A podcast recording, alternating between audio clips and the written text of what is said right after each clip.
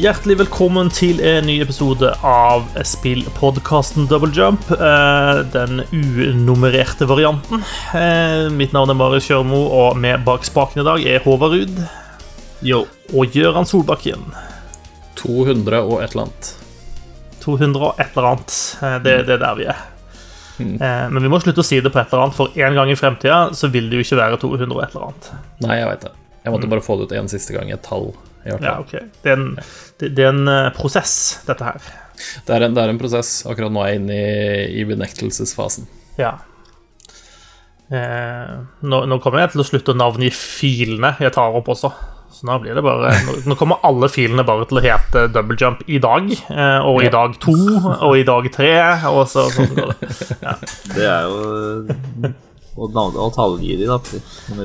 Ja, men det det er Windows som gjør det automatisk. Det kan ikke jeg noe for. Ja, sånn, ja. Jeg kan Ja jo da, begynne å kalle de Double Jump i morgen, og Double Jump i over i morgen. Eh, ja. Dette blir vanskelig. ja, dette blir Neste uke. Det er det jeg sa. Det, dette er anarki. Sånn er det. Ja. Eh, vi, det er sommertider. Eh, hei, hei. Ehm, så vi skal eh, prate om litt eh, diverse i dag, tenkte vi. Eh, men før vi setter i gang eh, Så jeg eh, stupte litt sånn hodestups inn i en Wikipedia-artikkel her. Um, for jeg kom liksom inn på hva er på en måte den eh, lengst levende, fortsatt aktive spillserien. Eh, Og det er litt sånn hva, hva, hva, hva mener vi er det? Eh, fordi her er det jo Dette er ganske vanskelig å spesifisere. Sant? Hva mener man med det? Eh, hvor Altså, man kan finne ut når et spill først kom ut. Eh, og hvor nylig må et spill ha blitt gitt ut i serien, og må det ha vært gitt ut regelmessig underveis? Eh, og må det være på en måte faktisk nye versjoner, eller holder det å gi, gjengi ut gamle versjoner? Det er en sånn, ja, det er ikke en sånn veldig tydelig eh, greie, dette her. Det er litt kinkig. Grunnen til at jeg kom inn på det, var fordi at jeg eh, Det er sommersalg på Steam. Eh, og Der ser man jo alt mulig rart som kommer der. Og der så jeg at eh, spillet Romance of the Three Kingdoms eh, 14 eh, var på salg. Eh, og det spillet kom ut i år. Eh, og det minte meg på at jeg spilte nå Romance of the Three Kingdoms på Amiga for veldig veldig lenge siden. Eh, og det første av de spillene kom ut i 1985. Eh, og det har blitt gitt ut eh, jevnt og trutt, eh, spill i den serien. Jeg vet ikke hvorfor, jeg vet ikke hvem det er som spiller disse spillene, men de blir i hvert fall gitt ut. Eh, men det er nok ikke det lengstlevende, fortsatt aktive spillserien. Ja, det kom ut i 1985. Ja. Oi. Eh, Tetris bør være ganske høyt oppe på den lista, men kanskje ikke toppen. Nei, og det er også litt sånn et, eh, det, det, det, er litt hva man regner. Eh, Sånn, hvis man bare skal følge sånn eh, helt rent, så er det The Oregon Trail, som kom ut i 1971, og som fikk en håndholdt utgave i 2018, eh, som er det lengstlevende. Men det er juks. Ja, er det ikke egentlig det? Jo, det er Ja, juks. jeg syns også det er litt juks. Eh, for- det har ikke kommet ut veldig mange utgaver av det spillet eh, opp igjennom, sånn egentlig. Det var en aut automatisk diskvalifisering der. Ja. Eh, og så har man da Pacman, for eksempel. Kom ut i 1980. Eh, er det en spillserie? Eh, det har jo kommet ut nye Pacman-spill, for så vidt. Ja, det er både 3D-versjoner og Mrs. Pacman er det noe som heter. Ja, det har kommet noe Pacman på telefonen også. Ja. Så den føler jeg i hvert fall er en aktuell kandidat, da. Ja. Ja. Eh, og så er det eh, det som originalt heter Galaxian, eh, som vel er det samme som det vi kaller Galaga, tror jeg. Oh, ja. Eh, som eh, som også er et spill som har blitt liksom re-released og kom i sånn der eh, type sånn eh, classic arcade-pakker som Namco Banda gir ut innimellom, og eh, de har gitt ut sånn eh, De ga ut her en eh, iPhone-app compilation som heter Galaga 30th Anniversary Collection, blant annet. Den har jeg testa. Ja, Så, så den på en måte er også en aktuell kandidat, da. Space Invaders, litt i samme eh, eh, Samme båt. Angivelig er- siste Space Invaders-spillet kom ut i 2017 og heter Arkanoid versus Space Invaders. Jeg er da såpass gammel at jeg husker på en vinterferie når jeg var, når jeg var ung i gamle dager, så hadde de Space Invaders på en sånn TV, eh, arkadeting, i en matbutikk der hvor vi var. Jeg lurer på om vi var i Hemsedal, men jeg er usikker. Sånn at du satt, og så så du ned på skjermen for å spille Space Invaders. Det, det er et av de første sånn spillminnene mine, faktisk. Da går det an å gå på butikken. Da går det an å gå på butikken. Det var ikke siste gangen jeg var på butikken, for å si det sånn. Nei. Og så kommer vi til de kanskje litt mer kjente, da, når vi bikker over i, i de spill som kom ut i 1981. Eh, fordi da kom Donkey Kong ut. Og da kan vi jo prate om både Mario-serien og Donkey Kong-serien som sådan. Eh, at de har sitt opphav derfra. Eh, og senere samme år kom også Castle Wolfenstein ut, eh, som jo har i hvert fall fått seg en oppblomstring i, i nyere tid. da.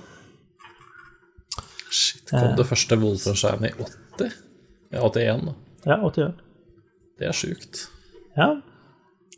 Det, Når kom første Civilization, da? For det var et av de spillene jeg hadde tenkt å Eh, ja, du spør, du spør. Jeg har lyst til å si at det var seinere, altså. Eh, Final Fantasy også må jo være ganske langt tilbake i tid. Civilization kom først i 91. Eh, Final Fantasy, det sjekka jeg. Det, for det er i Var det 6 eller 87?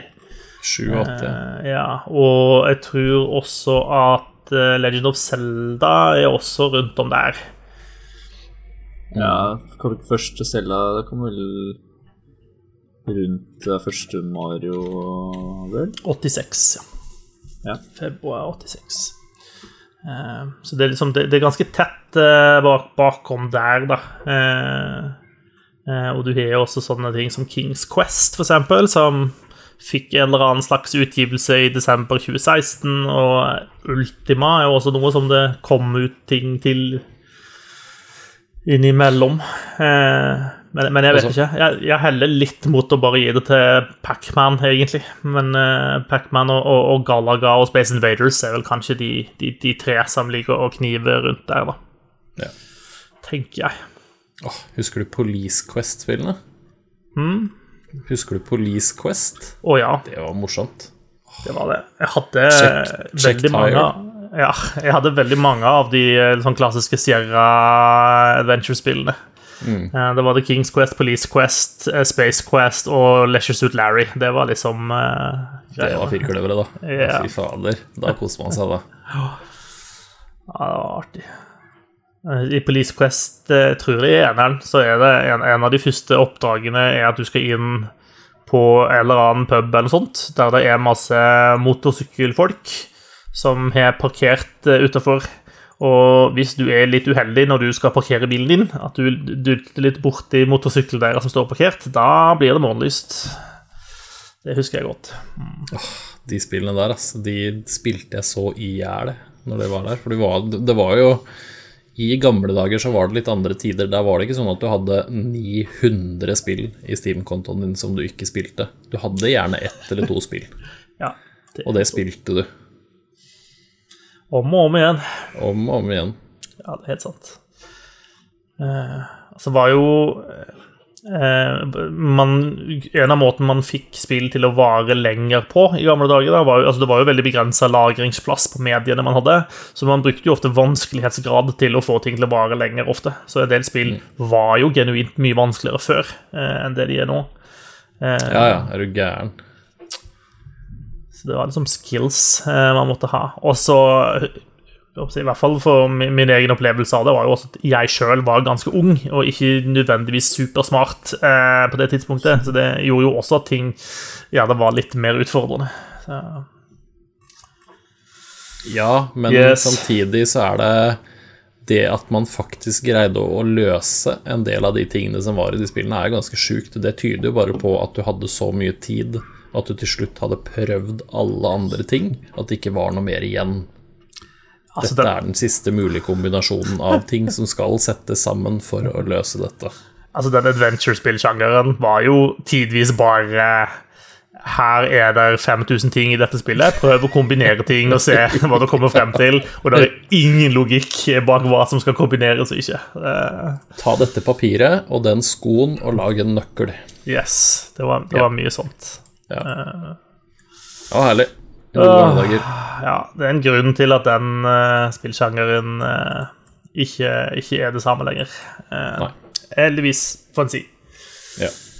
Yes. Ehm, du Vi har funnet ut at vi skal prate om masse, masse ting i dag.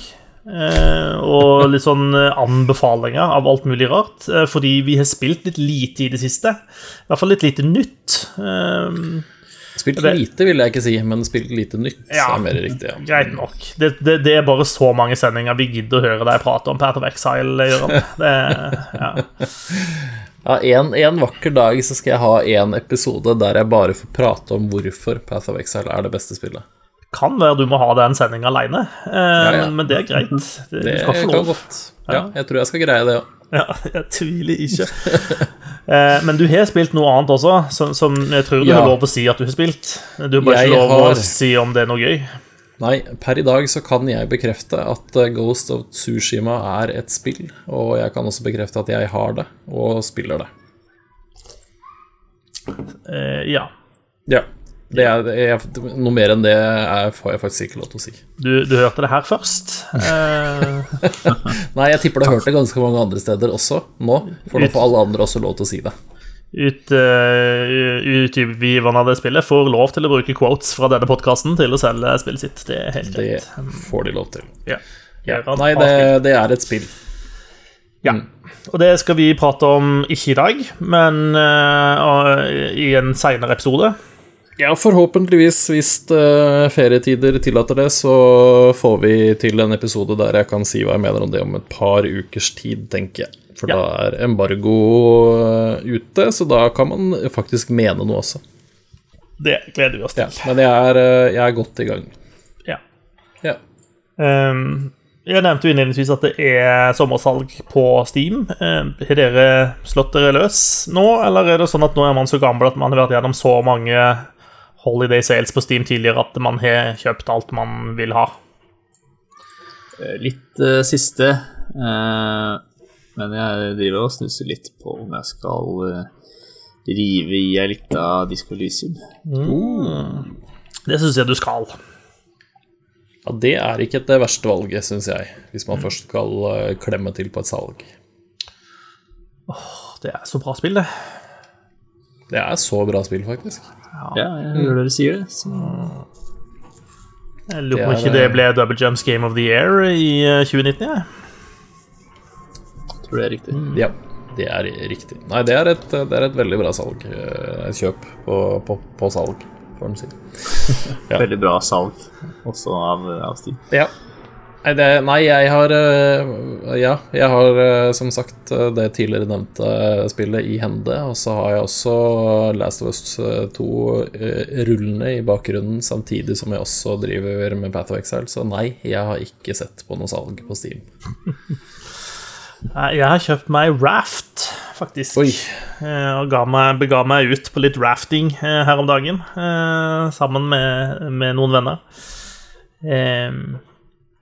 Det var helt greit. Ja. Ja, jeg, jeg, jeg, jeg klarte ikke å bli sånn megasalt på hvor gøy dette var. Eh, Jeg syns liksom det var pacingen synes jeg er litt treig. Ja. Det er litt sånn det, det er litt, altså, Vi vi har jo pratet om det tidligere, du har jo spilt dette en del, Håvard, eh, blant annet. Eh, Men det er jo en sånn slags eh, survival-byggespill, hvor du starter med liksom en bitte lita planke holdt på si, ute på sjøen som du, som du sitter på, og så bygger du da ut denne flåten, og du forsker frem nye ting, og etter hvert ting ganske avansert, og du kan bygge flåte på mange etasjer og eh, gro og alt mulig rart, og eh, ja, finne nye øyer og drepe ting og sånt. Eh, men det tar ganske lang tid da, før du på en måte kommer deg til noe veldig spennende, føler jeg. Ja, du skal se mye hav. Ja. Eh, det er jo et sånn spill eh, eh, Reisen er målet-type spill. Eh, Ja, og liksom teamwork og sånn. ja. Og det Eventyr, eventyret er eh, venner vi møtte på veien, eller hvordan det ordtaket går. Ja. Never running story. La, la, la, la, la, la, la, la. Ja, det er greia, det. Eh, blir litt lei etter hvert av liksom å stikke den samme haien eh, med pinnen min eh, så mange ganger. Jage bort den samme måka ifra ananasblomstene mine så mange ganger, liksom. Det Ja. eh, ja, jeg vet ikke. Men altså, det, det, det, er ikke et, det er ikke et dårlig spill. Eh, det er absolutt gode kvaliteter inni der. Eh, og liksom når du Det er ganske stemningsfullt, da. Når du er ute på sjøen, natten liksom senker seg på, spillet skrur opp musikken litt, grann, og eh, du fisker etter søppel eh, i havet og sånt, så, så er det litt sånn koselig også.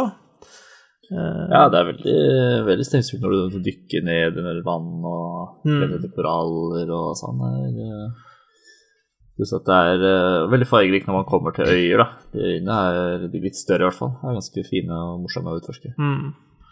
Men, men, men det er veldig slow-paced. Det er litt sånn, jeg så litt for meg når jeg begynte på det, at det, ja, dette er lagsamarbeid. Jeg, jeg så liksom litt for meg Sea of Thieves. Eh, og det, det er jo et mye mer hektisk eh, opplegg, føler jeg, enn en det dette er, da. Ja. Um, men, Ja, ja, eh, men ok. Eh, hvis, man, hvis man er noen venner som har lyst på en eh, koselig eh, Nå skal vi ut, og, ut på et eventyr i lag eh, som ikke skal være veldig stressende, eh, så, så kan det jo anbefales. Og så er det vel fortsatt i early access. strengt talt. Uh, ja. Mm. Uh. Ja, jeg mener på det. Jeg kjøpte det på salg i early access nå her om dagen. Så. Ja. ja, da har vi nok rett. Jeg har ikke vært inn på den Steam-sida på en stund. Det er stort sett det jeg har spilt som, som jeg ikke prata masse om før. Um, spilt litt Pathfinder Kingmaker igjen. og Elder Scrolls Online har jeg spilt. og Litt Civilization hadde gått i. Litt Europa Universalis. Det er mye det det, det går i. Så jeg lurer på om vi skal prate om ting vi vil anbefale til deg sånn i sommer. Sommerferieting du kan gjøre inne også, hvis det er dårlig vær. Ja. Og kanskje også ute. Kanskje også ute. Noen ting Ja. kanskje anbefalt ute, til og med. Ja, Eh, det vil jeg si. Ja. Eh, og da har vi lagt en liste. Eh, Gjøran har lagt en liste eh, med ting han mente vi kunne prøve å anbefale noe av. Eh, og det er da film, serie, spill, brettspill, is, grillmat, øl slash annen drikke.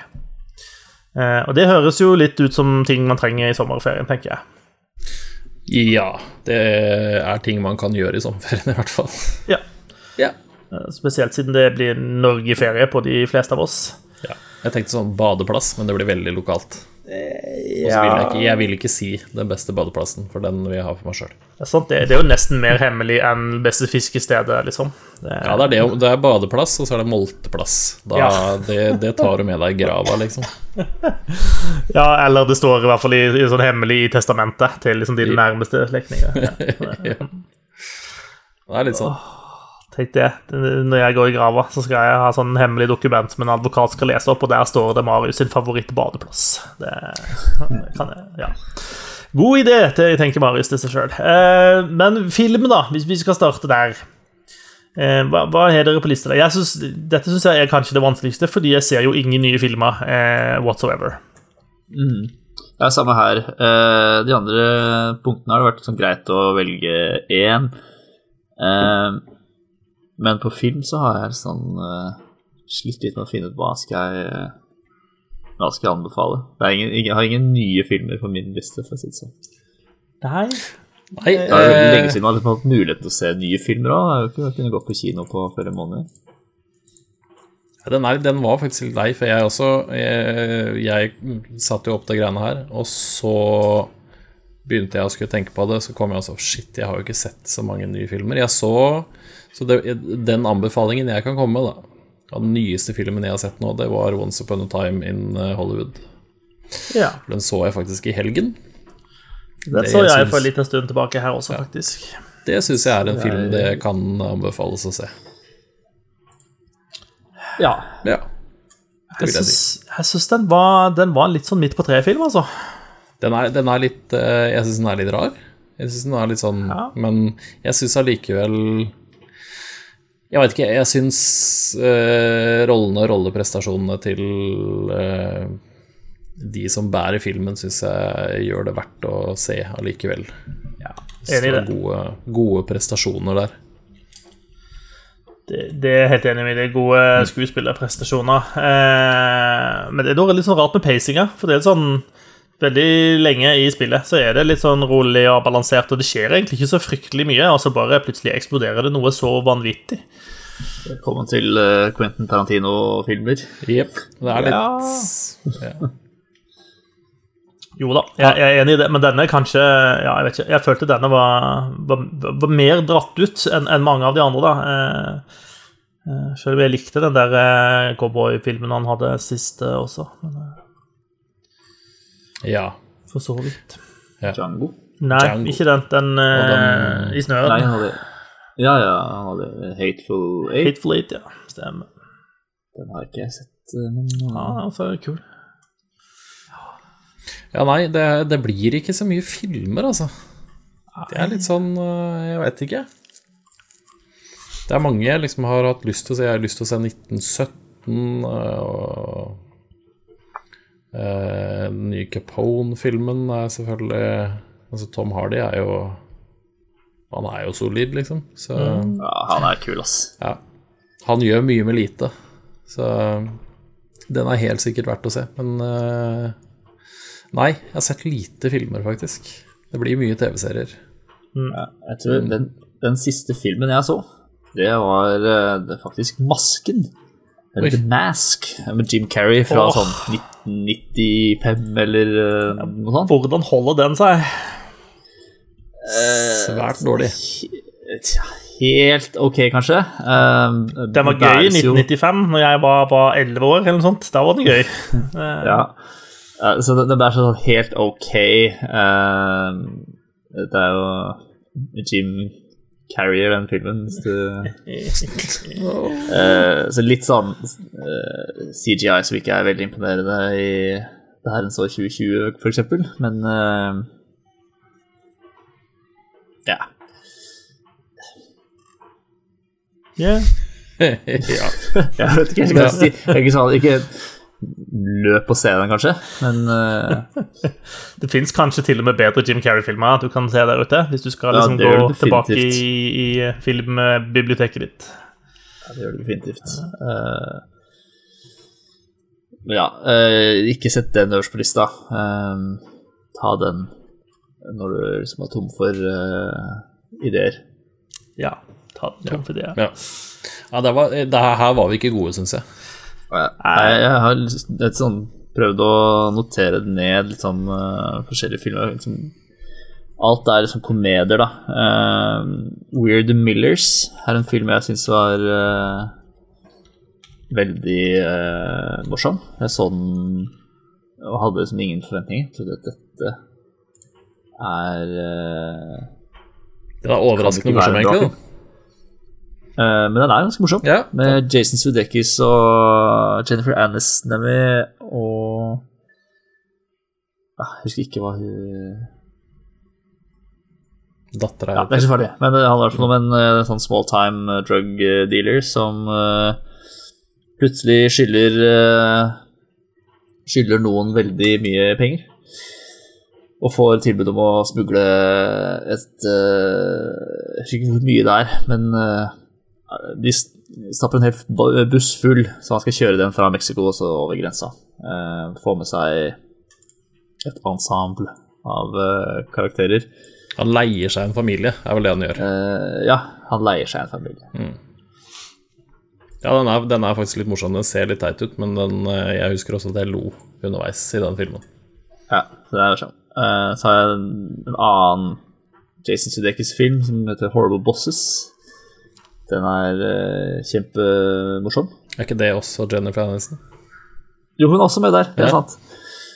Uh, den handler om tre Tre uh, karer som begynner å være rimelig lei av sjefene sine. Så de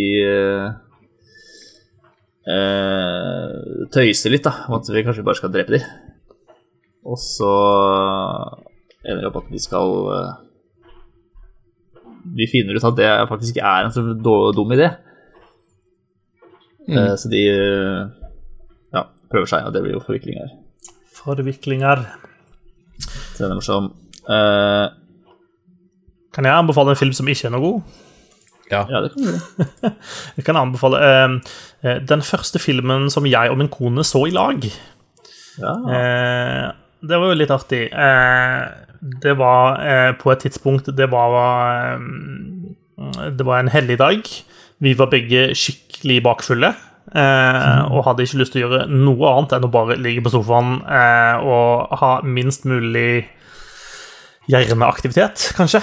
Eh, så det vi landa på, eh, var å se eh, den klassikeren Big Ass Spider. Oi. Eh, og eh, den filmen den leverer nøyaktig det du tror at den filmen skal gjøre. Eh, du har ikke hørt om noen av skuespillerne i den. Eh, det er en katastrofefilm der det er en big ass spider som eh, angriper en by, eh, og noen må prøve å stoppe den. Eh, og ja, løsningen på å stoppe den er å skyte den med et eller annet spesielt våpen opp i dens big ass. Yes. Så absolutt ikke en fantastisk film, eh, men den leverer akkurat det den skal. Og jeg fikk jo en kone etter hvert, da, så jeg mener det- Noe funka jo. Et eller annet var det med den. Ja. Ja. Kult. Så takk, Det er, eh, det er Mike Mendes. annet Noen ganger så er det gøy å se på sånne dårlige monsterfilmer. Yes. Ja, det er et eller annet med de som noen ganger er gøy. Ja, jeg er helt enig. Eh, altså men det er veldig viktig at man kommer inn med riktige forventninger. For hvis du tror at dette skal være noe eh, hva, heter, hva heter den filmen? Jeg Så Det var en sånn haifilm som kom med Deep Blue Sea, husker jeg, Ja. den kom. Eh, så tenkte jeg av en eller annen grunn på det tidspunktet at dette skulle være en kul og god film. Eh, og det er det jo ikke i det hele tatt. Eh, og derfor så hater jeg filmen ordentlig hardt. Jeg tror jo at hvis jeg hadde gått inn med helt andre forventninger og sett den filmen for det den er, så kunne jeg egentlig ha kost meg med den. Eh, Nei, er, det ikke, er ikke det filmen der Ice-T gjemmer seg inni en stekeovn fra en hai? og haien er smart nok til å svømme inn og skru på stekeovnen eh, Ja. med noen inni. Det er helt riktig. Ja. Mm. Altså, det, det kan ikke, du kan ikke ikke like det, vet du. Det går ikke, det. Ja, men når du liksom er eh, litt sånn tenåring og tror at du er litt sånn potensiøs filmsmakperson, eh, så ja, så da. du ikke dette i smak, da. Nei, nei jeg ser det. Åh, nei, det, that's a horrible movie. Sorry. Det er det. Mm. Ja. Ok, det var, det var ikke det sterkeste på en måte segmentet vi har hatt så langt eh, i Nei, så... vår unummererte historie. Um, Ja. Hvis, du, hvis du er i tvil, så får du se på Slekk. Det er aldri feil. ja. Nei, vi Tidens kommer sterkere tilbake i neste kategori, tenker jeg. Ja, for neste kategori er TV-serier. Mm. Eller strengt tatt står det serie. Jeg antar at det er TV-serie det er snakk om. Eh, Ja. Det kunne jo vært tegneserie, eksempel, men eh, ja.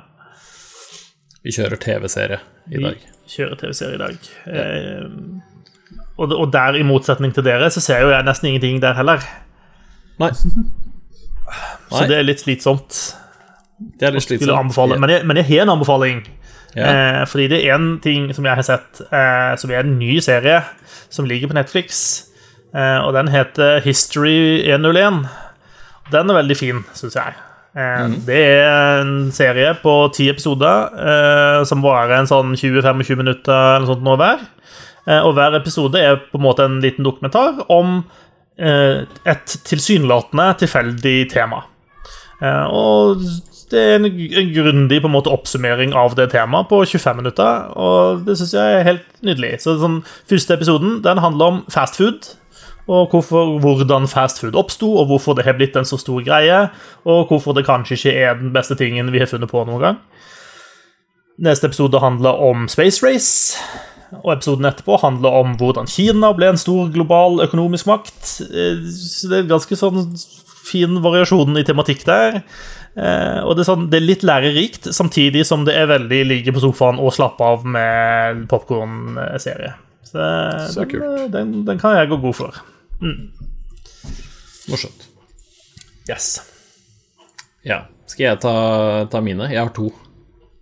Du har to. Jeg, jeg har to aktuelle. Eh, jeg har snakka om den før. Jeg tror jeg har anbefalt den før også, men jeg gjør det igjen fordi vi har den ennå. Det er eh, den tyske Netflix-serien Dark. Mm. nå har akkurat Det var nå på lørdagen så kom sesong tre. Jeg har jo ikke rukket å se mer enn én episode enda. Det lover ganske bra. Eh, det er en veldig, veldig bra serie må ses på tysk, ikke dubba amerikansk, for det blir bare teit. Men det er ikke noe stress å se på tysk med, med teksting. Er sånn, det er sånn tidsreisegreier, men de gjør det på en veldig, veldig morsom og fascinerende måte. Den, den anbefaler jeg på det sterkeste. Og så vil jeg også anbefale Doom Patrol på HBO. Første sesongen er ferdig for en god stund siden. Den syns jeg var morsom. Det er en veldig annerledes sånn superheltserie.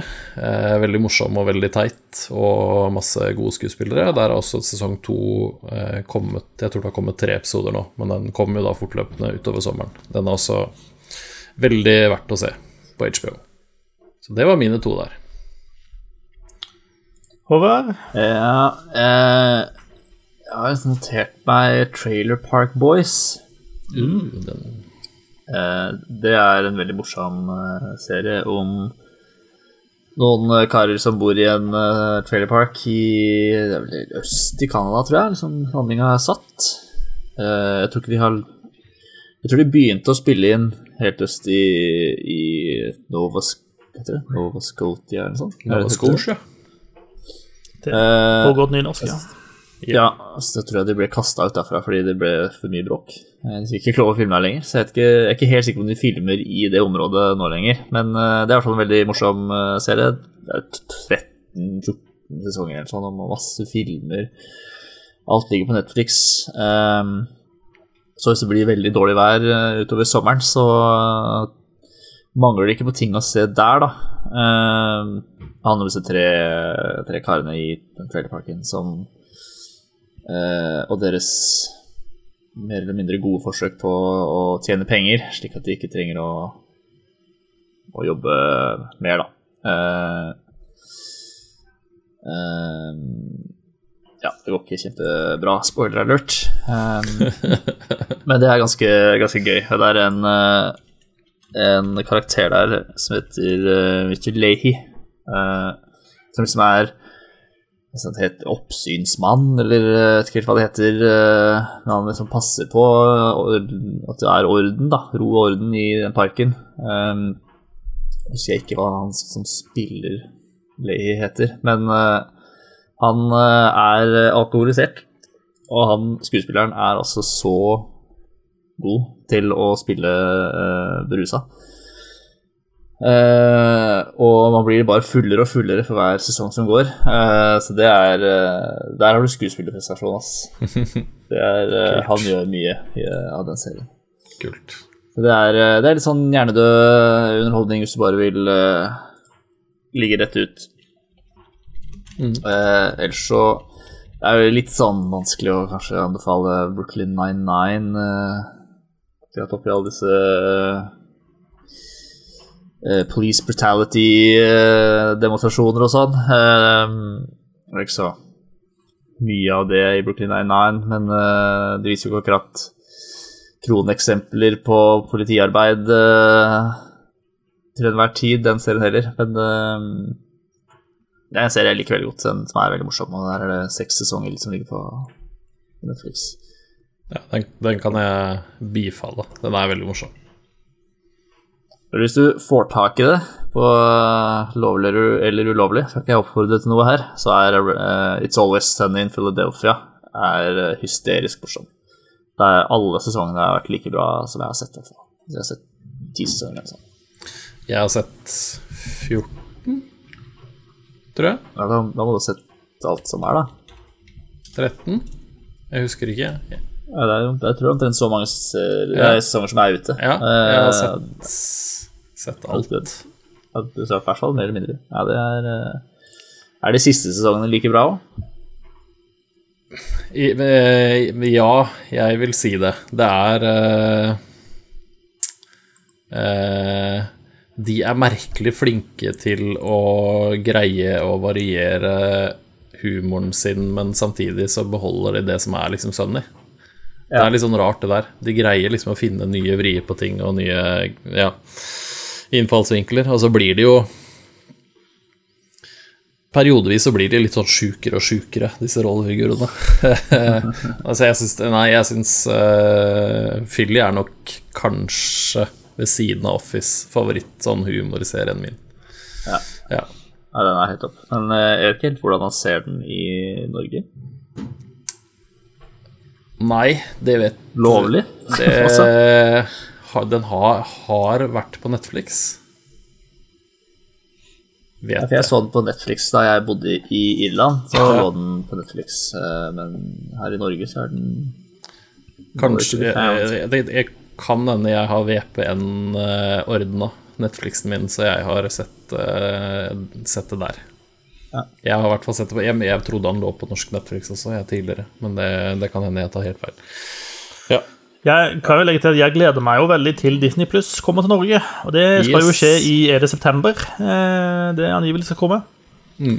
Eh, og da har jeg tenkt å se Mandalorian, eh, Mm. som jeg ikke har sett, og som jeg venter på. Eh, og det, det tror jeg blir gøy. enig. ja. Neste på listen Hvis du var klar til å gå videre? Mm. ja, ja, ja. Kjør på. Ja. Der står det spill.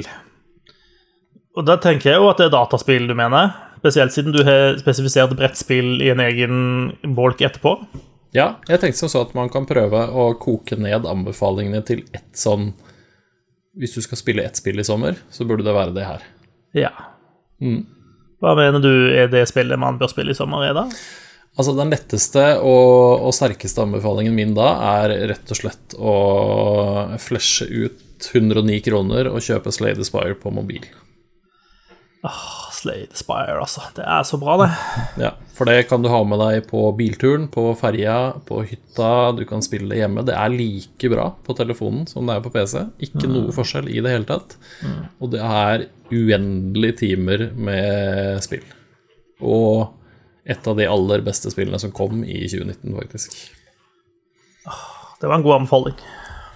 Ja, det, det, det, den er jeg fornøyd med. Den er jeg veldig fornøyd med. Ja, eh, det var bra. Den, den var innertier. Eh, Hva tenker du, Håvard? Eh, jeg har lyst til å nevne et spill eh, Eller en serie, faktisk. sp- Spillserie som jeg spilte Første gang jeg spilte den serien, var eh, på sommeren, så den hører liksom sommeren til eh, for meg. Og det er Trine. Uh, Trine, ja. Kult. De- Det er eh, noen eh, ekstremt vakre spill. Eh, jeg har ikke spilt fireren, faktisk, men eh, de tre første har jeg spilt. Og de er for så vidt veldig like sånn i oppbygning. eh, man spiller eh, det er eh, tre karakterer. En trollmann, en sånn pil og en uh, litt uh, tykkfallen ridder. Eh, Så hvis man spiller alene, så kan man veksle mellom eh, alle disse tre bare on the fly, men det aller morsomste er å spille sammen med to andre. Så man spiller én hver um, av disse tre. Og de er uh, morsomme, fysikkbaserte puzzles uh, i en sånn uh, sånn to, to, to og en halv eh, D-verden. Som løper fra venstre til eh, høyre. Um, som, eh, ja, som jeg har hatt veldig mye game med.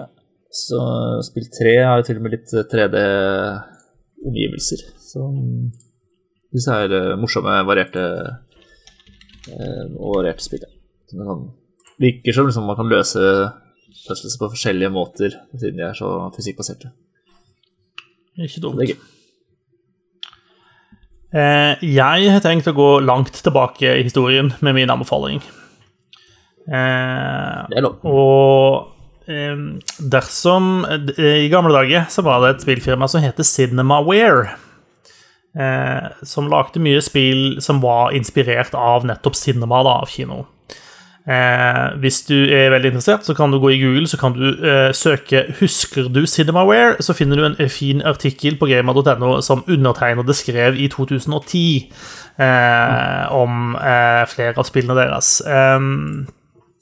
De lagde mange kule spill. Eh, det første var Defender of the Crown, som var et veldig kult strategispill eh, om kampen om eh, engelske kongeriket.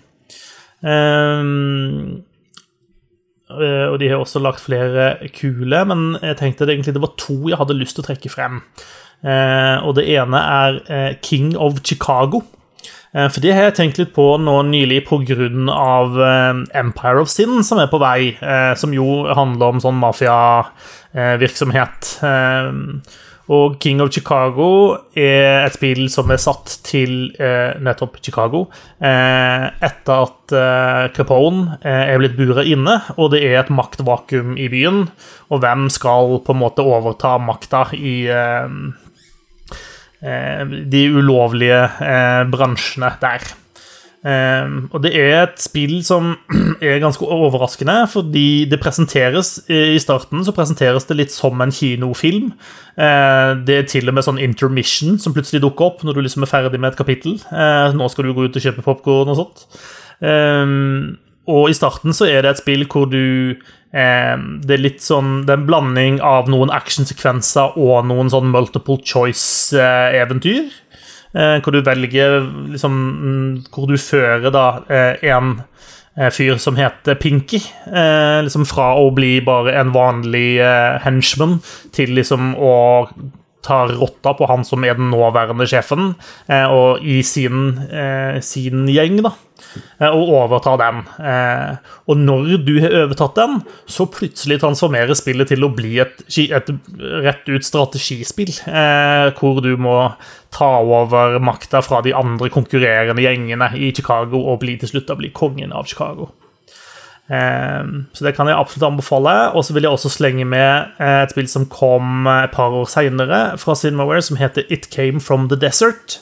Da er vi veldig i Big Ass Spider-kategorien igjen. Eh, eller i hvert fall Big Ass Maur.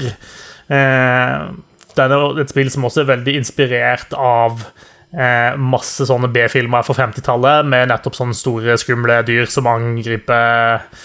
Eh, og her er du da i eh, Altså, du er ute på, ute på landsbygda i USA. Eh, og plutselig dukker det opp masse kjempedigre maur som driver og tramper rundt og dreper folk. Og dette eskaleres hele tiden, og du må liksom prøve å, å stoppe dette. Eh, skikkelig, skikkelig artig.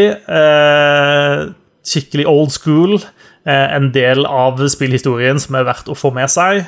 Og siden det er salg på Steam, så kan du kjøpe en Cinemaware Anthology Eh, der du får disse, disse, nevnte spillene og en rekke andre spill for nå 14 eh, kroner. Så det er billig moro. Eh, så Cinemaware Anthology på Steam, det er billig, billig moro, altså. Så det, det, er min anbefaling hvis du er forberedt på en tur tilbake i spillhistorien. Mm. Så gøy. Ja, det, det syns jeg. Ja. Mm. Brettspill har du skrevet opp. Eh, og Det er jo noe man gjerne gjør når man er på ferie i et land der det av og til regner. Det er det. Det er det. Eh, jeg har også Jeg har eh, et litt sånn enkelt kortspill, egentlig, som passer for Passer for hele familien fra si ja, åtte-ti år oppover, så kan du være med å spille det her. Det, og det er uh, Dungeon Mayhem fra Det er Dungeons and Dragons-spill, faktisk, men det er et kortspill. Mm. Um, hver spiller er en egen helt, uh, og det er da en, uh, det er en barbarian, og så er det en, en magiker, og så er det en templar, og så er det en rogue. Og så har de hver sin kortstokk med hver sine evner. Og hele poenget er da å bruke f.eks. angrep eller forsvar for å da ta Alle har ti helsepoeng, så er det jo med å liksom få stå igjen til slutt, da. Eh, det som er litt morsomt, er at du kan angrepe fritt hvem du vil når det er din tur. Sånn at du kan liksom targete hvem du vil på den, men da Ja. Eh, så det er litt sånn Det blir litt sånn morsomme forhandlinger rundt bordet samtidig som du liksom prøver å passe på deg selv, eh, og hvem du angriper og ikke angriper og sånn. Så veldig enkelt å lære, veldig kjapt og gøy å sitte og spille, og så kan du faktisk sitte og spille det i timevis hvis du er i godt selskap. Så det koster 150 kroner eller noe sånt. Skikkelig morsomt. Cool. Mm.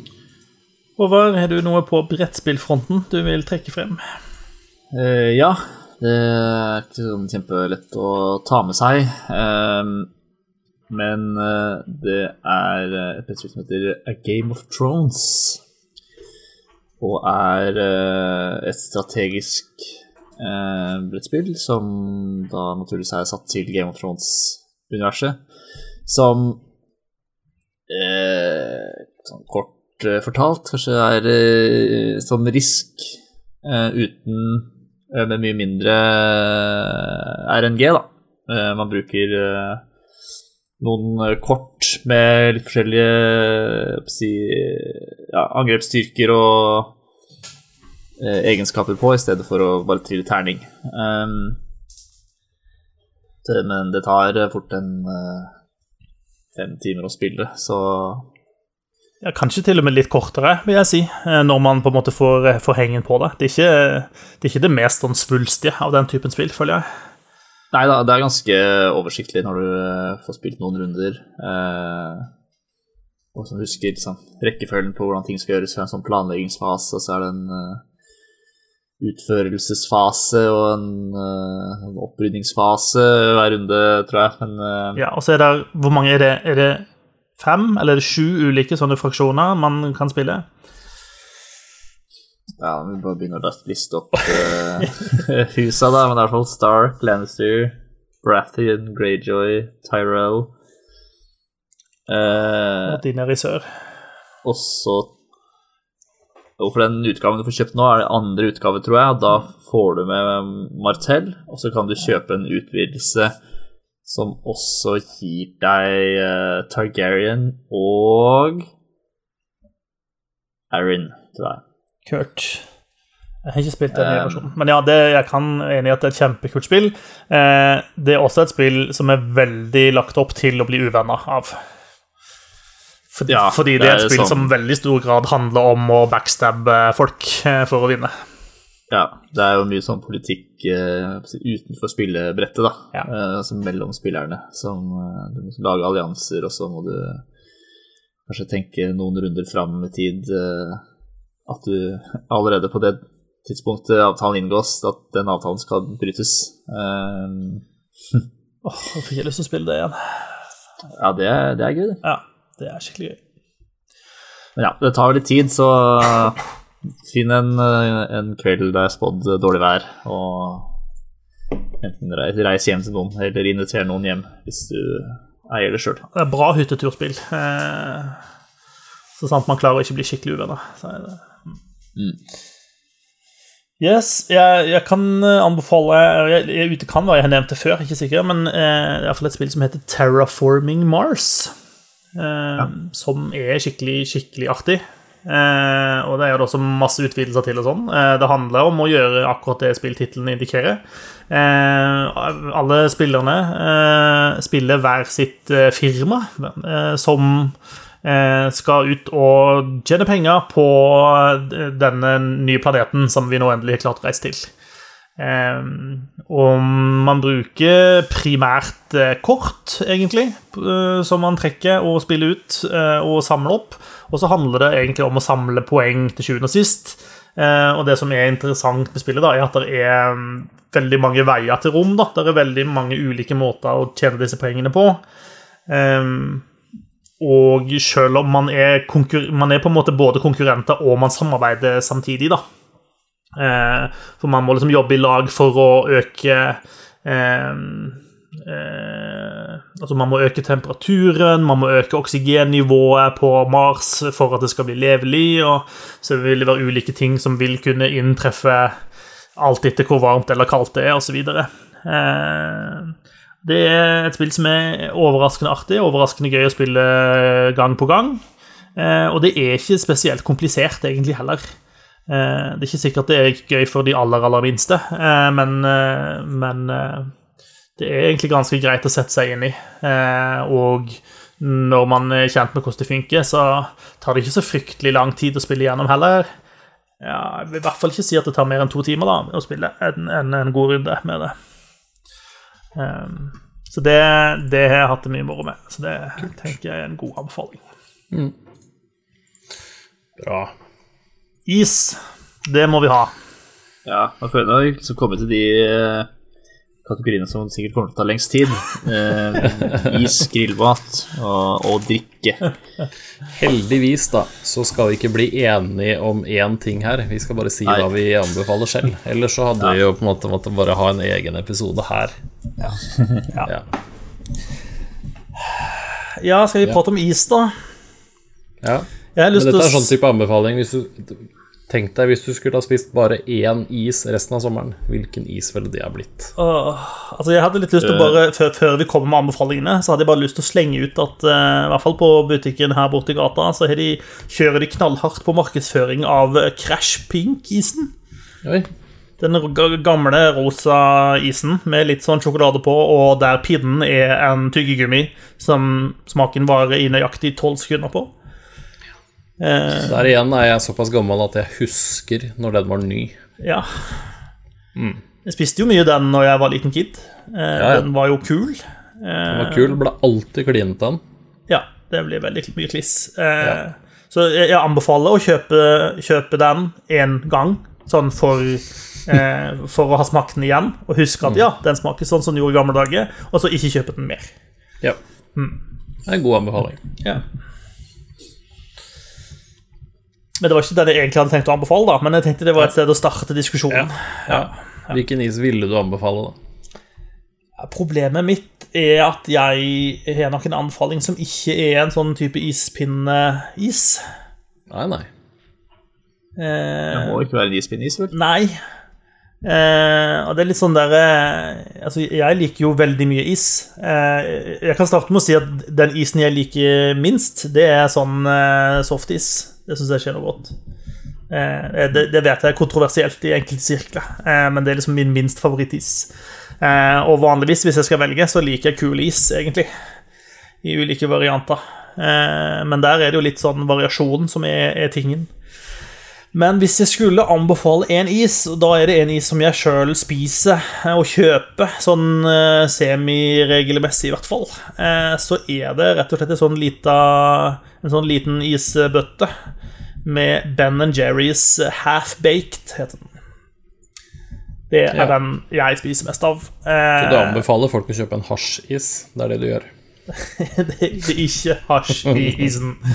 Eh, det er biter av brownie i den, og det er biter av cookie dough i den. Eh, og den smaker helt nydelig.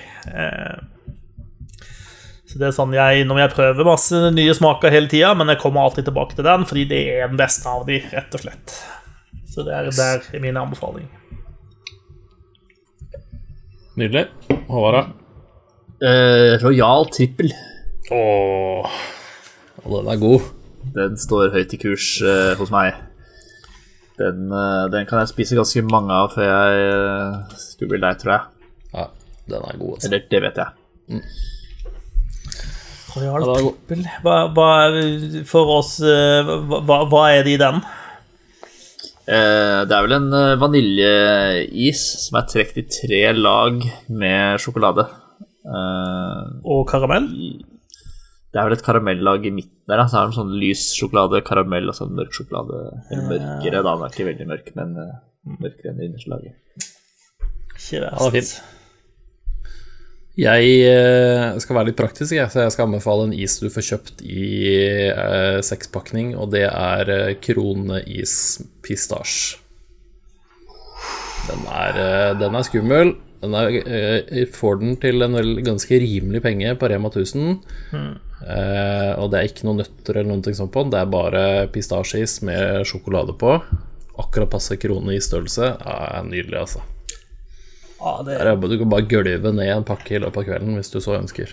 Uten dårlig samvittighet. Pistasjis generelt det er jo eh, er. Det er jo kongen, det er kongen av is. Åh, det er deilig, ass.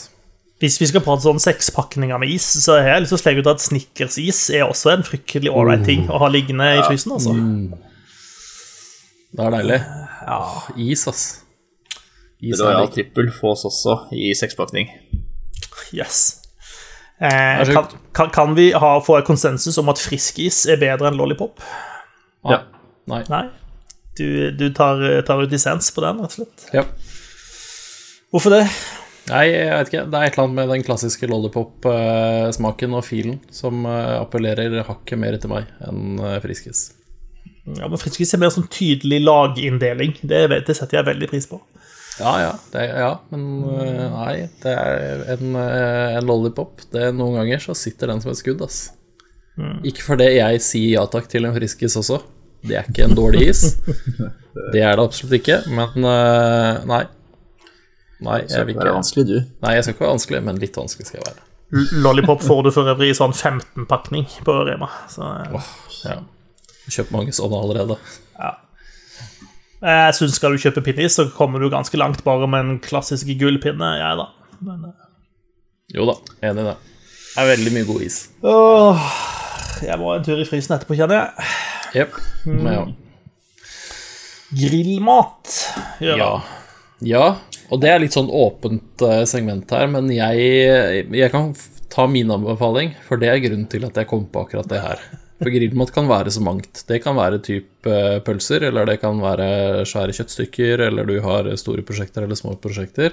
Men eh, jeg eh, fikk servert, og deretter dagen etter gikk og kjøpte og grilla sjøl, en pakke med Jeg vet du får det på Rema, men jeg vet ikke om du får det andre steder. Det er han Chili Klaus. Han har en serie med ting. Han har pølser og sånn, men han har også noen sånne spare ribs. Chili spare ribs, et eller annet med noe sånn eple Et eller annet saus som du har oppå. De er sjukt gode. Spareribs er generelt veldig digg, da.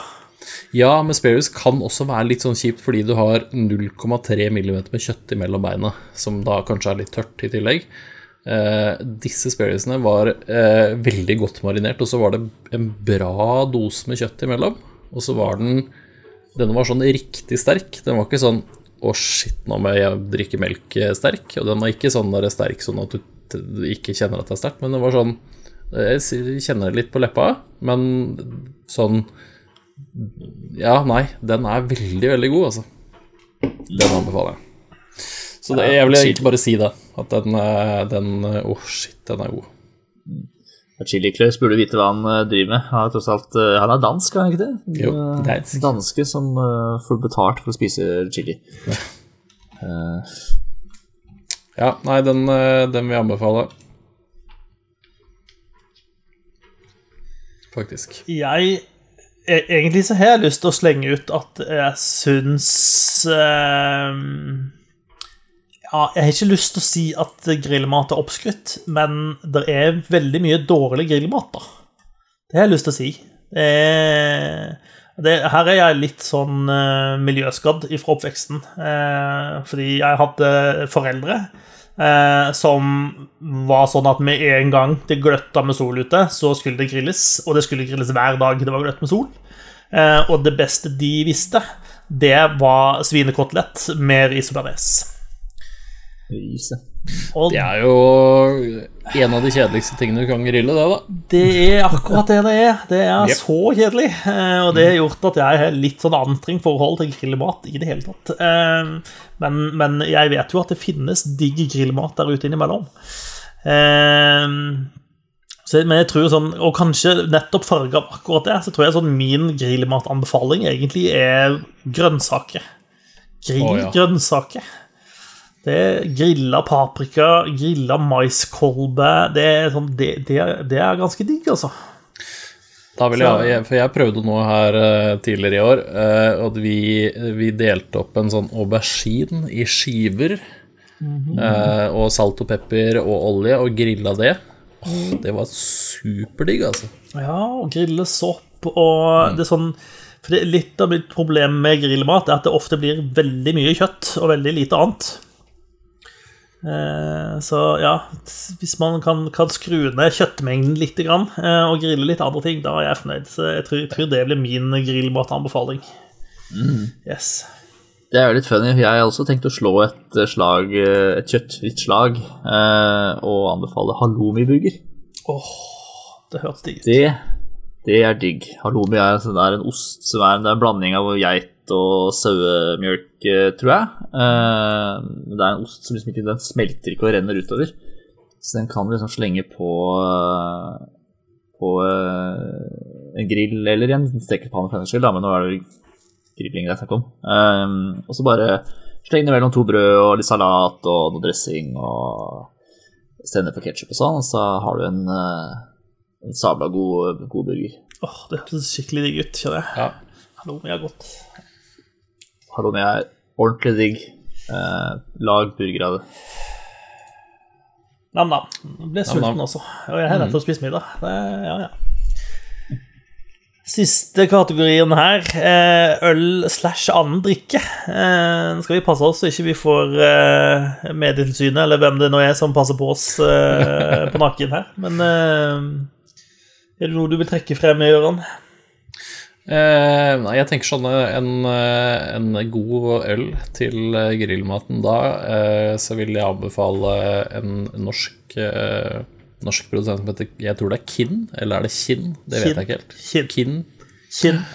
Kinn Pilegrim. Det er en veldig god og litt sånn lett, lett øl som er Passer bra alene, men også veldig fint sammen med litt, litt grillmat og sånn. Ja, ikke dumt. Nei. ja, her er jeg litt sånn Jeg vet, jeg, ehm, jeg vet ikke helt hva jeg skal anbefale, for eh, min eh, måte når jeg skal kjøpe øl på, er stort sett å gå et sted med godt utvalg og si 'Å, oh, den har jeg ikke smakt før', eh, og så kjøper jeg den. Eh, så jeg liksom prøver litt sånn hardt å ikke ha noen sånn favoritt, egentlig, da.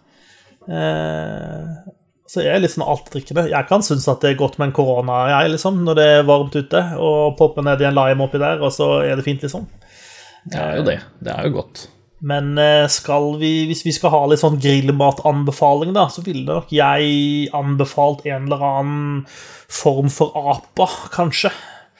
Eh, det syns jeg Sånn eh, American Pale Ale. Yes, det syns jeg passer seg veldig bra til grillmat. Det er litt sånn, det er ikke for tungt, eh, men det er, men det er ofte en ganske sånn rund og fin smak eh, som jeg syns passer bra til barbecue. Så det, det får være min sånn generelle anbefaling der.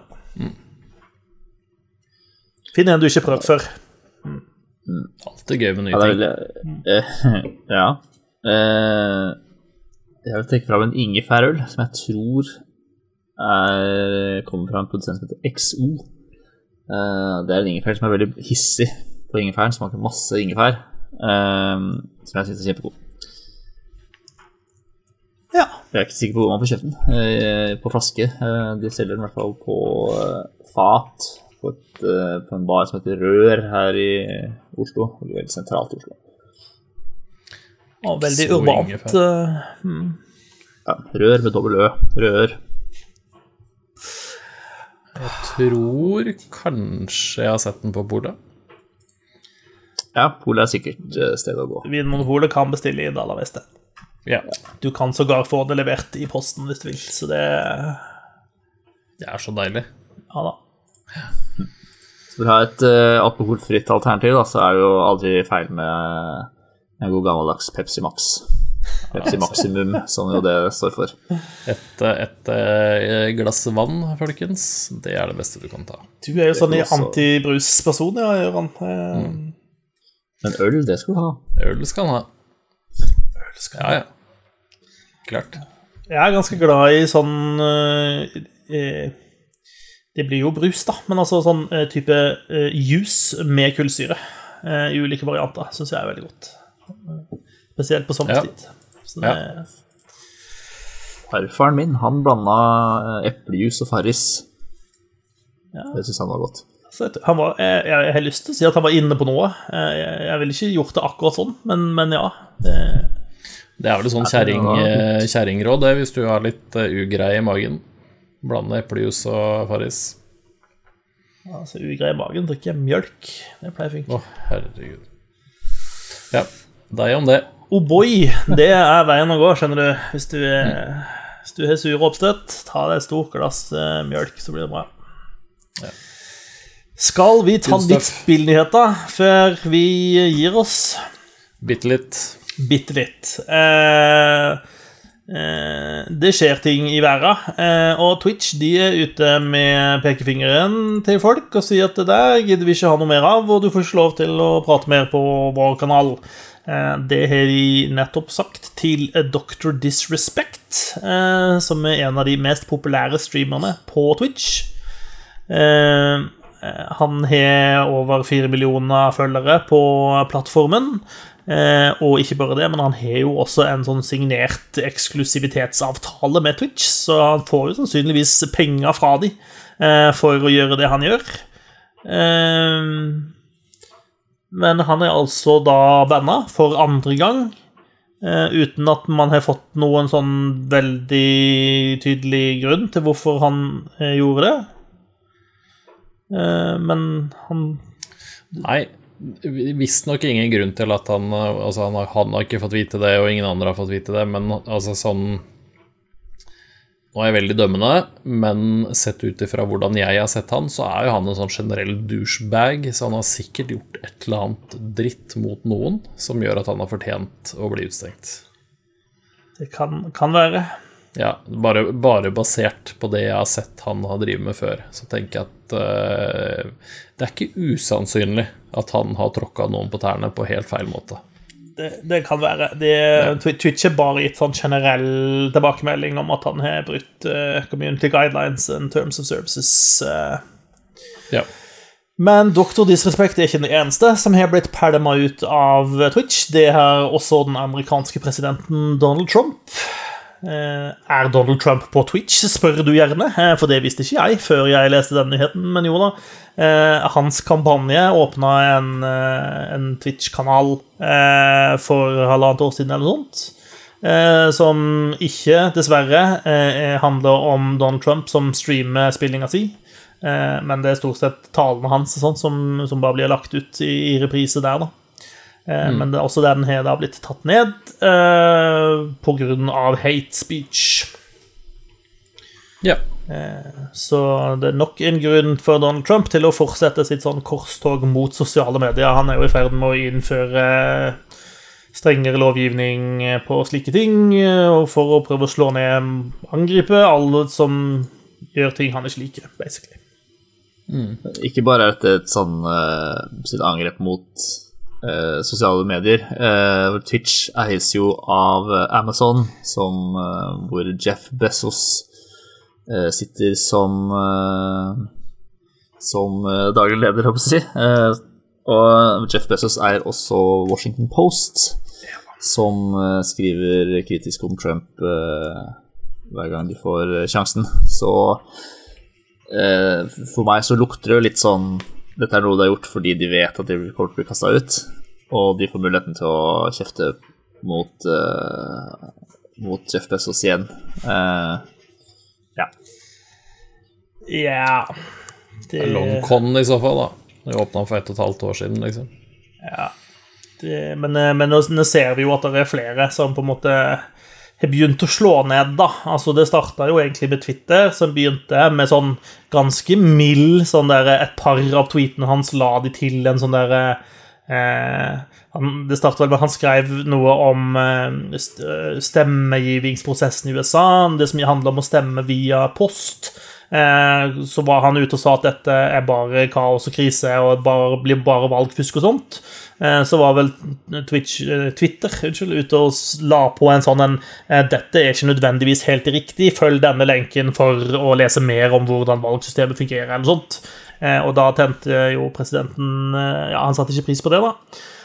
Og så fortsatte Twitter etter hvert med å gjøre det sammen med flere, og de tok vel også vekk, eller sensurerte vel også noen eh, Twitter-meldinger etter hvert.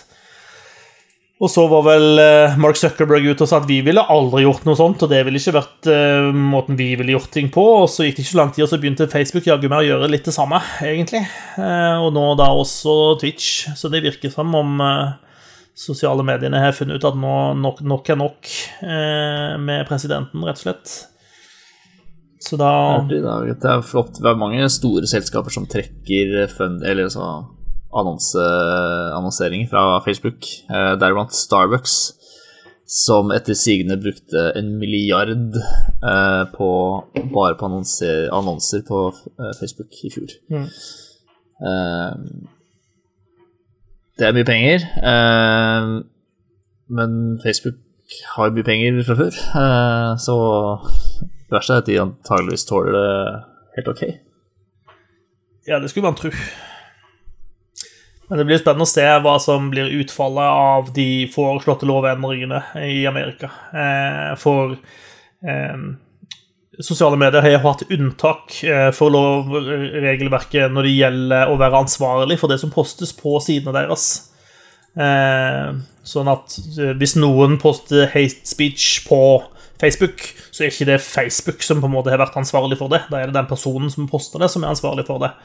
Eh, og så lenge Facebook på en måte tar det ned når de har blitt klar over det, eh, så har det liksom vært eh, en godkjent praksis. Men hvis man fjerner det, og hvis det blir sånn at alt må på en måte forhåndsmodereres, da, så vil jo det potensielt bety en, altså en, en kjempe sånn game changer for alle sosiale medier.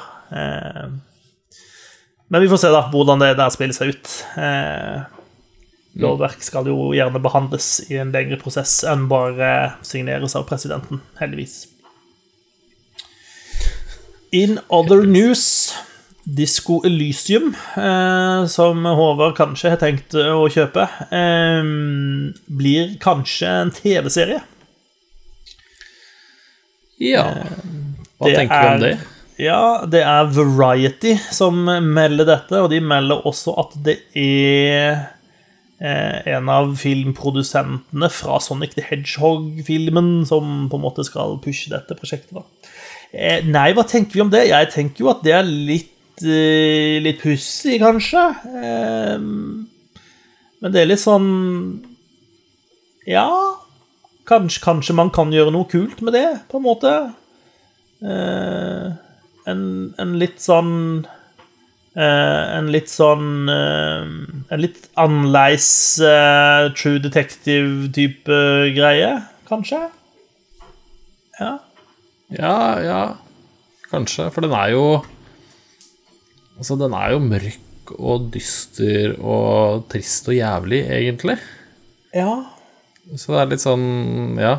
Og så er det jeg, jeg, Altså, den indre Den indre dialogen han har med alle disse eh, Hva kalt det? aspekter, eller hva det enn er. Eh, hvordan skal de liksom Hvordan skal de visualisere og få frem det? Det er, det er en del sånne ting som jeg tenker er litt sånn eh, Om ikke annet så blir det i hvert fall spennende å se hvordan de løser det, tenker jeg da. Ja, for det er som Ja. du sier, det er en del altså, Det er ganske mange elementer ved dataspill generelt som ikke lar seg oversette veldig godt til film og TV-serier, og kanskje med Disco Elysium spesielt, eh, Ja. hvor, hvor det kan være utfordrende å gjøre. Eh, Ja, for mye det av det jo- spillet handla liksom om valgene man tok, og veien man Altså hvordan man Altså, bygde figuren er litt feil, men hvordan figuren utvikla seg sammen med deg. Så ja. Nei, det, Ja. det, den er jeg spent på. Ja, og det er, det er, det jo veldig det eh, Det er et spill som legger veldig opp til at eh, du er med å skape karakteren. Altså, det spillet er så avhengig av hva er det du har med deg å legge inn i denne karakteren. Eh, og hvordan man på en måte skal oversette det, det, det klarer jeg ikke å skjønne. Men det, Hvis de også skjønner at det ikke går, så betyr ikke det at ikke man kan lage en kul greie ut av det i den samme settingen og sånt. Så, Nei, absolutt. Eh, Jeg er spent, kan jeg vel si. Ja. Jeg er ikke supergira enda, før jeg ser noe, men det blir spennende å se. Yes. Fortnite eh, Der skjer det jo mye rart. Eh, de har nå begynt med et eh, konsept der de viser film. Det kaller de Movie Night. Ja. Eh, det starta med at de viste De hadde debuten på en filmtrailer. Christopher Nolan sin kommende film Tenet. Debut traileren der debuterte i Fortnite. Eh, og så har de da annonsert en sånn eh, At de skal ha jeg tror det er tre sånne movie nights i Fortnite, der de viser hele filmer fra Christopher Nolan. Og den første tror jeg allerede har vært. Eh, det tror jeg var fredag forrige uke. Da viste de Inception. Og så skal de da vise Batman Begins og The Prestige. Eh, I hvert fall i Nord-Amerika. Jeg er litt usikker på hvordan dette er i, i resten av verden. Eh, her er vi jo inne i sånn slitsomt rettighetsopplegg. Men hva Ja, det har blitt den nye kinoen, det, da. Husker dere når PlayStation 3 kom ut, så hadde Sony en sånn slags virtuell verden som var en app på PlayStation 3. Jeg tror det var 3. Det husker ja. Det føles litt som om Fortnite liksom, de begynner å bli det som Sony håpte at det der skulle bli. Second Life. Ja, basically. Et sted hvor man kan gjøre alt, og hvor du kan selge alle produktene dine, uavhengig av hvem du er, og hvor du kan gå på kino og se film, tydeligvis. Du kan gå på konserter og se eh, live-underholdning. Eh, Fortnite er jo alt mulig rart nå. Har Fortnite blitt eh, det første steget mot en, eh, en virkelighet som ligner litt på Ready Player One-boka? Filmen? Ja, det, det er jo skummelt å tenke at vi er på vei i den retningen. Det er det. Ja. Det er det. Men eh, det er, den, det er den nye hverdagen. Og her, jeg er litt sånn redd at vi gamle gutta her sitter litt sånn på gjerdet mens toget kjører ifra oss, på en måte. Ja, altså Ungdommen nå til dags henger over nett. Hvorfor ikke da begynne å se film sammen over nett også? Ja. ja. Nei, altså Fortnite har blitt noe mer enn bare et spill. Det har liksom blitt Det, er jo, det begynner å nærme seg en plattform for ting, så det er ganske sjukt. Men det er veldig fascinerende å følge med på. Absolutt. Og jeg kommer, all, jeg kommer ikke til å henge med. Her er, her er jeg for gammel. Faktisk. Dette, dette flyr meg litt hus forbi, akkurat det der. Trist. Trist, men sant. Gamle menn syns synd på seg sjøl. Ja. Det, er det. ikke det litt der vi er, da? Det vi- det er derfor vi er sånn støttepodkast som dette, skjønner du. Hei, mitt navn er Marius, og jeg er gammel. Ja. Um, ja. Sam Barlow, eh, mannen som lagde 'Telling Lies' og 'Her Story', eh, har vært ute og tisa sitt nye prosjekt. Det heter foreløpig i hvert fall Project Ambrosio. Og det ser ut til å være et sånn, eh, sånn mysteriespill. Det, har ikke, det her har ikke jeg fått med meg, så her kan ikke jeg si så mye. Annet enn at uh, Sam Barlow har lagd to veldig, veldig gode spill nå det siste. Med de to de nevnte, så det, virker, det legger litt opp til at det er noe, kanskje litt sånn murder mystery-opplegg. Hvis du går på Steam, så har spillet en Steam-side, og den Steam-siden er ganske mysterisk, den også. Eh, Der er det veldig masse som på en måte er sensurert. Eh, og ja, skikkelig sånn lagt opp til at eh, her, dette skal være noen mystiske greier, da. Så jeg anbefaler å sjekke det ut. De, de, eh, de, det ligger noen videosnutter der som ikke gir noe særlig mening. Eh, Noen bilder med noe som ser ut som en sånn slags eh, type bevisføring på et vis. Du har bilde av en pistol, så står det liksom hashtag 534gun. Du har et speil som er ødelagt. Eh, ja, det er en veldig Veldig rar greie, men litt kul, litt gøyal. Litt Sam Barlow-ish. Eh, jeg liker det. Eh, jeg tror det er kult. Jeg tror det blir noe å følge med på. Eh, men foreløpig Ja. vet vi altså veldig lite. Sam Barlow er eh, Ja. Han er, han er veldig, veldig flink. Ja. Telling Lies er for øvrig også på mobil, så hvis du trenger et en til mobilspill i tillegg til Slade Spire, så er det Ja, sjekk det ut. Gjør det. Til slutt så hadde jeg egentlig bare tenkt å høre med dere om dere har fulgt litt med på de cyberpunk-tingene som har kommet ut. For de slapp jo en ny trailer, de har kommet med masse mer gameplay. Eh, de begynner liksom å rigge oss for at eh, hei, ikke glem at Cyberpunk er det kuleste spillet du ikke har spilt i år. Jeg prøver å ikke se så veldig mye, for det er litt sånn Jeg veit ikke. Det er mange, mange sånne ting som avslører det gjerne mer enn jeg vil vite. Ja. Uh, Så jeg er litt sånn var på akkurat sånne ting. Jeg- Men jeg har fått med meg nok av det her til å tenke at ja, uh, jeg registrerer at det ser kult ut. Jeg har lyst til å spille det. ja. Gi meg spillet når det er ferdig. Og så det er bra, de, Dere har overbevist meg for lenge siden. ja. Jeg trenger ikke overbevises mer. Take my money. Ja. Ja, ta, Vær så snill og la meg få gi dere penger. Ja. Gi meg spillet nå. Jeg har sett uh, ny traileren, og den, den er kul, den. Uh, og de har jo også gjort tilgjengelig eh, en sånn preview av spillet, sånn at det er en god del journalister rundt forbi som nå har fått, fått teste Sånn som jeg forstår det, begynnelsen på spillet. Eh, det er litt sånn Man har fått en eh, man har fått en versjon av spillet der man får spille på en måte starten av spillet, eh, og så er ikke eh, sp spillet låses etter en viss tid. Sånn at de får bare Jeg husker ikke hvor lenge det var, halvannen time eller to timer, eller sånt og så får de ikke spille mer. Og så er det egentlig opp til de journalistene sjøl hva de ønsker å bruke den tida på. Eh, litt sånt. Det, det er ikke en kjempeuvanlig måte å, å gjøre det på. Eh, Jeg har valgt å ikke se noen som har streama dette. For det, er, det har i hvert fall vært en sånn offisiell stream som liksom viser de første halvannen timen av spillet. Det, det har jeg ikke lyst til å se. Det har jeg lyst til å spille sjøl. Den, Ja. den styrer jeg glatt unna. Eh, Men jeg har liksom måttet lese litt grann, eh, og hørt litt grann om hva de som har prøvd dette, her mener om det. da. Eh, Og alt er jo positivt. Altså, alle er liksom bare begeistra og spent. Eh, og noe av det som kanskje er mest interessant, er at eh, jeg føler ikke at det er noen som har klart å si at de har et Selv har spilt spillet i to timer, at de har et sånn ordentlig grep om hva er egentlig begrensningene i dette spillet.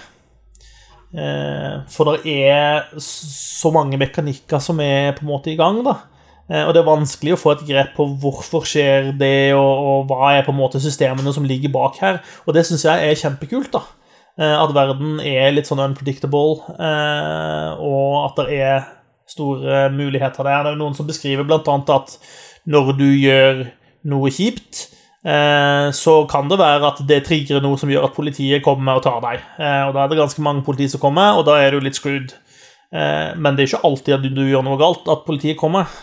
Så det er et system bak de tingene der, men akkurat hva som trigger ting og sånne ting, er liksom ikke helt åpenbart. Eh, Jeg kjenner at jeg blir eh, veldig, veldig gira. Eh, Og de fleste som har spilt det, sier jo også at jeg har fått spilt i halvannen time. Eh, jeg er veldig dårlig i dataspill, er konklusjonen deres. jeg trodde jeg skulle være en kul sneaky hacker, og jeg blir oppdaga hver gang, og jeg blir drept hver gang, og jeg er dårlig. Eh, men ikke på en dårlig måte, da. Altså, alle sier at de har hatt det utrolig gøy med det, så Ja. ja. Jeg, jeg, jeg er kjempespent. Jeg Jeg er klar Altså, hvis jeg trengte en grunn til å på en måte bestille en neste generasjons konsoll, så er Cyberpunk den grunnen, tenker jeg. Så, ja. Yep. Nei, det ser veldig, veldig spennende ut. Åh, jeg er klar. En gang, en gang i fremtiden, da skal vi drikke boat drinks og spille Cyberpunk. Eh, Det blir bra. Vi er vel ferdige i dag, tenker jeg. Eh, nå glir vi inn i sommerferiemodus. Eh, for Double Jump sin del så betyr det at eh, det blir en litt mer sånn sporadiske episoder utover sommeren. Det er litt fordi vi er jo av og til litt farter litt rundt. Det er ikke alltid vi er hjemme, og ikke alltid vi er på samme sted. Eh, og så handler det også litt om at det av og til kan være litt begrensa med nye spill som kommer ut og sånt. Men eh, vi skal nå prøve å ha noen sendinger i ny og ne. Eh, og vi har jo annet nevnt Ghost of Tsushima, som vi har lyst til å prate litt om. Eh, så ikke noen lovnad om at vi kommer ut med nye episoder hver eneste uke i løpet av sommeren, men at det kommer noen i ny og ne, det føler jeg meg ganske trygg på. Ja. Skal holde litt aktivitet i løpet av sommeren også. Ja, det blir jo litt hjemmesommer på flere av oss eh, i tillegg i år, da. Så Ja. mulighetene for å sette seg ned og preike litt, den, den er jo til stede. Absolutt. Ja. Så da, det ble jo nesten eh, fin, fin halvannen time, det. Så det syns jeg jo var, eh, var innafor. Og da skal vi si takk for at eh, du hørte på oss nok en gang eh, i denne unummererte Double Jump-episoden. Eh, og håper at du også vil høre den neste unummererte Double Jump-episoden. Ja. Så fra meg sjøl og Håvard Gjøran så vil jeg si god sommer, og plutselig på gjenhør. God Plutselig sommer.